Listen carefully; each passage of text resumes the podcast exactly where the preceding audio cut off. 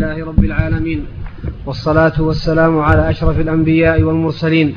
نبينا محمد وعلى آله وصحبه أجمعين. قال الإمام البخاري رحمه الله تعالى باب وقت العشاء إلى نصف الليل. وقال أبو برزة رضي الله تعالى عنه كان النبي صلى الله عليه وسلم يستحب تأخيرها. حدثنا عبد الرحيم المحاربي قال حدثنا زائدة عن حميد الطويل عن أنس رضي الله تعالى عنه قال أخر النبي صلى الله عليه وسلم صلاة العشاء إلى نصف الليل ثم صلى ثم قال قد صلى الناس وناموا أما إنكم في صلاة ما انتظرتموها. وزاد ابن أبي مريم أخبرنا يحيى بن أيوب قال حدثني حميد سمع أنس رضي الله تعالى عنه كأني أنظر إلى وبيص خاتم خاتمه ليلة إذ. اللهم صل عليه اللهم صل عليه وسلم. نعم. باب فضل صلاة الفجر. حدثنا مسدد قال حدثنا يحيى عن إسماعيل قال حدثنا قيس قال قال لي جرير بن عبد الله رضي الله تعالى عنه. كنا عند النبي صلى الله عليه وسلم إذ نظر إلى القمر ليلة البدر فقال أما إنكم سترون ربكم كما ترون هذا لا تضامون أو لا تضاهون في رؤيته. فإن استطعتم ألا تغلبوا على صلاة قبل طلوع الشمس وقبل غروبها فافعلوا ثم قال فسبح بحمد ربك قبل طلوع الشمس وقبل غروبها. حدثنا هدبة بن خالد قال عند أهل السنة والجماعة. أن أهل السنة أن المؤمنين يرون ربهم جل وعلا يوم القيامة وهكذا في الجنة. والمحافظة على الفجر والصبح والعصر هذا من أسباب رؤية الله بكرة وعشية في الجنة. المقصود أن رؤية الله جل وعلا ثابتة عند أهل السنة والجماعة. يراه المؤمنون من الجن والإنس والعرب والعجم يراه المؤمنون في الجنة وفي عرصات القيامة. كما يشاء سبحانه وتعالى لكن لا يحيطون به. كما قال جل وعلا لا تدركه الأبصار لا تحيط به. فهم يرونه جل وعلا رؤية حقيقية كما يرون الشمس سحوا ليس دونها سحاب. وكما يرون القمر ليلة البدر لا يضامون في رؤيته. فمن أراد ذلك فليستقم على دين الله وليحافظ على الصلوات الخمس وليعتني بالفجر والعصر زيادة. لأن هذا من أسباب رؤية الله يوم القيامة وهو الجنة. نعم. الله إليكم. بالنسبة للكفار يرون ربهم في الموقف. لا يراه إلا المؤمنون. كلا إنهم عن ربهم يومئذ لمحجوبون. نعم. حديث ما منكم من أحد إلا سيكلمه. الكلام غير الرؤية. نعم. حدثنا غير الرؤية. نعم. حدثنا هدبة بن خالد قال حدثنا همام قال حدثني أبو جمرة عن أبي بكر بن أبي موسى عن أبيه رضي الله تعالى عنه أن رسول الله صلى الله عليه وسلم قال من صلى البردين دخل الجنة وقال ابن رجاء حدثنا همام عن أبي جمرة أن أبا بكر بن عبد الله بن قيس أخبره بهذا حدثنا إسحاق عن حبان قال حدثنا همام قال حدثنا أبو جمرة عن أبي بكر بن عبد الله عن أبيه رضي الله تعالى عنه عن النبي صلى الله عليه وسلم مثله. وهذا فيه الحث على العناية بالعصر والفجر زيادة. المحافظة على الجميع أمر لازم. يقول الله جل وعلا حافظوا على الصلوات والصلاة الوسطى. لكن يجب أن تخص العصر والفجر بمزيد عناية والواقع الآن من الناس خلاف ذلك. ينامون عن الفجر ويضيعون العصر إلا من رحم الله. هذا العصر عند مجيئه من العمل يطرح نفسه ولا يبالي إلا من عصم الله والفجر يسحر في الليل ثم ينام عن الفجر. هذه مصيبة عظيمة. يجب على كل مؤمن وعلى كل مؤمنة الحذر من هذا.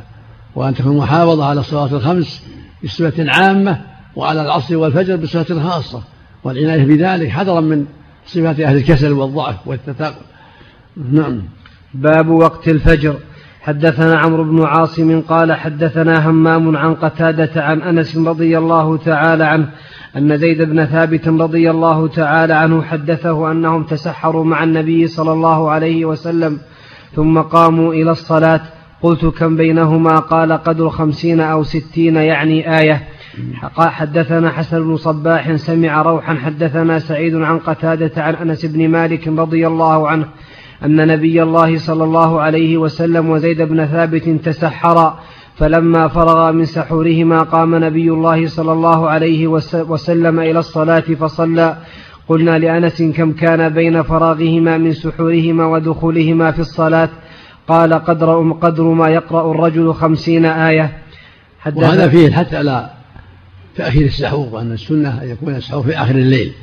في الوقت الآخر كان بين الأذان والسحور قدر خمسين آية. في رواية بين الصلاة والسحور قدر خمسين آية. والآيات تختلف في الطول والقصر وتختلف في القراءة ترتيل وعدم الترتيل لكن المقصود أنه يتسحر آخر الليل قبل طلوع الفجر ويؤخر حتى يكون سحوره في آخر الليل ثم يقوم إلى الصلاة بعد ذلك. نعم. أحسن الله إليك. من, من تسحر في أول الليل ثم قبيل أذان الفجر شرب ماء وأكل تمرة. هل لا بأس يحصل المقصود. أحسن الله عليك. نعم.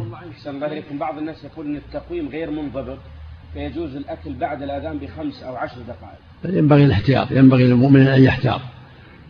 ينبغي أن يحتاط. نعم. قوله دخولهم في الصلاة يعني الإمساك كان بعد الأذان. أي نعم. يمسك قبل قبل الصبح. وفي الرواية الأخرى بين الأذان والسحور قدر خمسين آية. وفي هذه الرواية بين السحور والصلاة. والمقصود أن أن أنه يأكل ويشرب حتى الصبح مثل ما قال جل وعلا وكلوا واشربوا حتى يأتي الخيط الأبيض من الخيط الأسود الهجر ثم أتموا الصيام إلى الليل. فالأكل والشرب يكون إلى نهاية الليل. نعم. حدثنا إسماعيل بن أبي أويس عن أخيه عن سليمان عن أبي حازم أنه سمع سهل بن سعد رضي الله تعالى عنه يقول كنت أتسحر في أهلي ثم يكون سرعة بي أن أدرك صلاة الفجر مع رسول الله صلى الله عليه وسلم. اللهم صل نعم. حدثنا يحيى بن بكير قال أخبرنا الليث عن عقيل عن ابن شهاب قال أخبرني عروة بن الزبير أن عائشة رضي الله تعالى عنها أخبرته قالت كن نساء المؤمنات يشهدن مع رسول الله صلى الله عليه وسلم يشهدن مع رسول الله صلى الله عليه وسلم صلاة الفجر متلفعات بمروطهن ثم ينقلبن إلى بيوتهن حين يقضين الصلاة لا يعرفهن أحد من الغلس. اللهم صل. باب من أدرك من الفجر ركعة. حدثنا عبد الله بن مسلمة عن مالك عن زيد بن أسلم عن عطاء بن يسار وعن بسر بن سعيد وعن الأعرج يحدثونه عن أبي هريرة رضي الله تعالى عنه أن رسول الله صلى الله عليه وسلم قال من أدرك من الصبح ركعة قبل أن تطلع الشمس فقد أدرك الصبح. ومن أدرك ركعة من العصر قبل أن تغرب الشمس فقد أدرك العصر. نعم لكن لا يجوز التأخير لا يجوز التأخير إلى قرب الشمس غروبا أو طلوعا. يجب أن تصلى الفجر قبل طلوع الشمس وأن يفرغ منها قبل طلوع الشمس. وهكذا العصر. يجب أن تصلى قبل أن تصفر الشمس كما بين النبي في الأحاديث الأخرى. لكن لو وقع هذا لو أدرك ركعة أدركها في الوقت. لكنه يأثم بالتأخير. نعم. باب من أدرك من الصلاة ركعة. حدثنا عبد الله بن يوسف قال أخبرنا مالك عن ابن شهاب عن أبي سلمة بن عبد الرحمن عن أبي هريرة رضي الله تعالى عنه أن رسول الله صلى الله عليه وسلم قال من أدرك ركعة من الصلاة فقد أدرك الصلاة.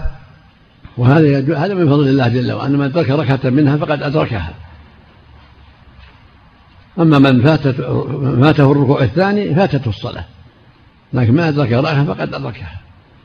فينبغي للمؤمن أن يسارع ويبادر إليها حتى يدركها من أولها. فالمسارعة إلى الصلاة مطلوبة. ولهذا قال جل وعلا حافظوا على الصلوات والصلاة الوسطى. نعم. باب الصلاة. نعم.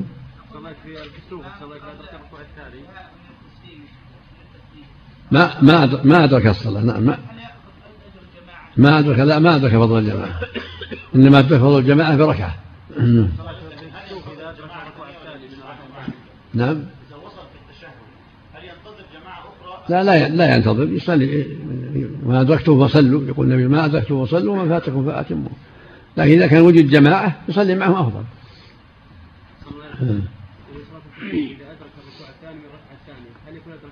لا لا لا يدرك إلا بالركوع الأول. كسوف. نعم. الله إليك. المسافر نعم. أدرك ركعة من العصر. تامه لا أداء نعم. الله إليك. نعم. إذا دخل اثنان المسجد ووجدوا الجماعة في التشهد الأخير هل يدخلون مع الجماعة أم ينتظرون حتى ظاهر العموم الدخول إذا دخلوا فلا بأس لأن النبي قال وما أدركتم فصلوا هذا عام. وإن صلوا وحدهم لأجل فاتتهم. الصلاة فلا بأس. قوله صلى الله عليه وسلم من أدرك ركعة من الصلاة فقد أدرك الصلاة قد فاتتهم الجماعة إذا صلوا جميعا فلا بأس. وإذا صلوا معه ما أدركوا واتفقوا على أن يؤم أحدهما الآخر في ما يقضيانه فلا بأس أيضا. نعم. نعم إذا ما ما كان هناك جماعة أخرى نعم لعموم الحديث ما أدركتم فصلوا وما فاتكم فأتموا. نعم. نعم. نعم. إذا أدركه راكع. ولو ما أتى بالتسبيح إلا بعده. إذا أنحنى وصار إلى الركوع والإمام راكع فلم يرفع إلا بعد ذلك فقد أدرك الركوع.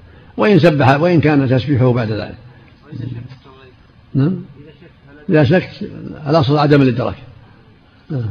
باب الصلاة بعد الفجر حتى ترتفع الشمس. حدثنا حفص بن عمر حدثنا حفص بن عمر قال حدثنا هشام عن قتادة عن أبي العالية عن ابن, عب عن ابن عباس رضي الله تعالى عنهما قال شهد عندي رجال مرضيون وأرضاهم عندي عمر أن النبي صلى الله عليه وسلم نهى عن الصلاة بعد الصبح حتى تفرق الشمس وبعد العصر حتى تغرب. حدثنا مسدد قال حدثنا يحيى عن شعبة عن قتادة سمعت أبا العالية عن ابن عباس رضي الله تعالى عنهما قال حدثني ناس بهذا. حدثنا مسدد قال حدثنا يحيى بن سعيد عن هشام قال أخبرني أبي قال أخبرني ابن عمر رضي الله تعالى عنهما قال قال رسول الله صلى الله عليه وسلم لا تحروا بصلاتكم طلوع الشمس ولا غروبها. وقال حدثني ابن عمر رضي الله تعالى عنهما قال قال رسول الله صلى الله عليه وسلم إذا طلع حاجب الشمس فأخروا الصلاة حتى ترتفع وإذا غاب حاجب الشمس فأخروا الصلاة حتى تغيب تابعه عبده. هذا هذا الوقت يكون أشد عند الطلوع وعند الغروب يكون أشد في التحريم وإذا في التحريم بعد صلاة العصر وبعد صلاة الصبح. لكن هذا الوقت الطويل صلى فيه الجنازة يعني وقت طويل. لكن عند طلوع الشمس وعند غروبها لا يبدأ صلاة. أخر الصلاة حتى ترتفع الشمس. صلاة النافلة. فلا يصلي حتى ترتفع الشمس صباحا وحتى تغرب الشمس آخر النهار. إلا تحية المسجد. تحية المسجد فلا بأس. إذا دخل المسجد فإنه يصلي التحية لعموم الأدلة. نعم. حدثنا عبيد بن سنة الوضوء أحسن الله إليك. نعم. ومثله سنة الوضوء. سنة الوضوء كسوف الشمس. نعم.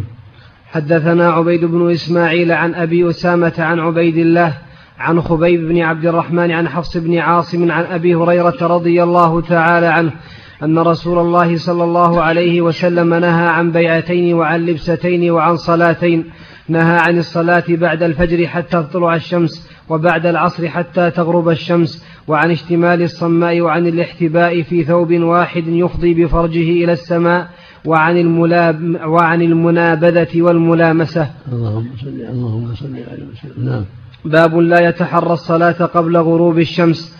حدثنا عبد الله بن يوسف قال أخبرنا مالك عن نافع عن ابن عمر رضي الله تعالى عنهما أن رسول الله صلى الله عليه وسلم قال لا يتحرى أحدكم فيصلي عند طلوع الشمس ولا عند غروبها.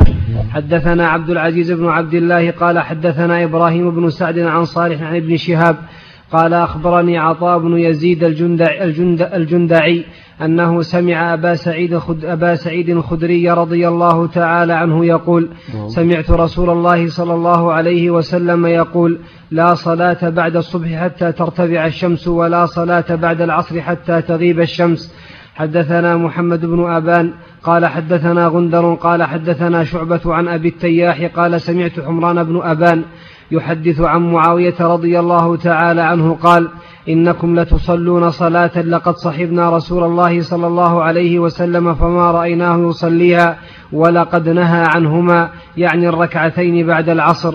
حدثنا محمد بن سلام. هذه من خصائصه. الركعتين بعد العصر من خصائص النبي صلى الله عليه وسلم. فمن فاتته سنة الظهر فات محلها لا يصليها بعد العصر. نعم.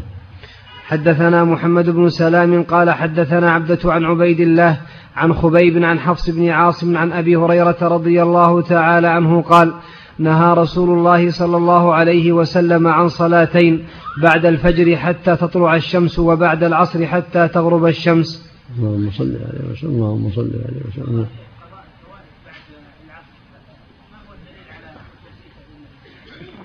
قول صلى الله عليه وسلم من نام عن الصلاة فليصليها إذا ذكرها لا كفارة لها إلا ذلك. نعم.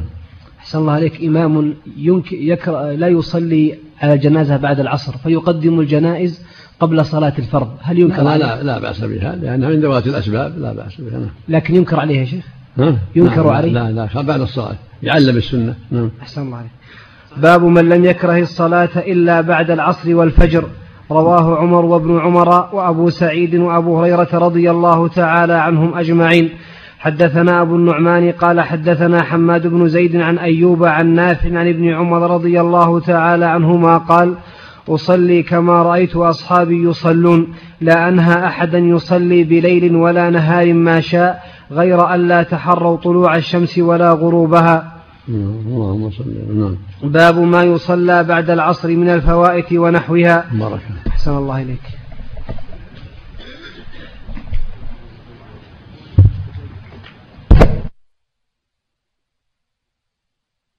was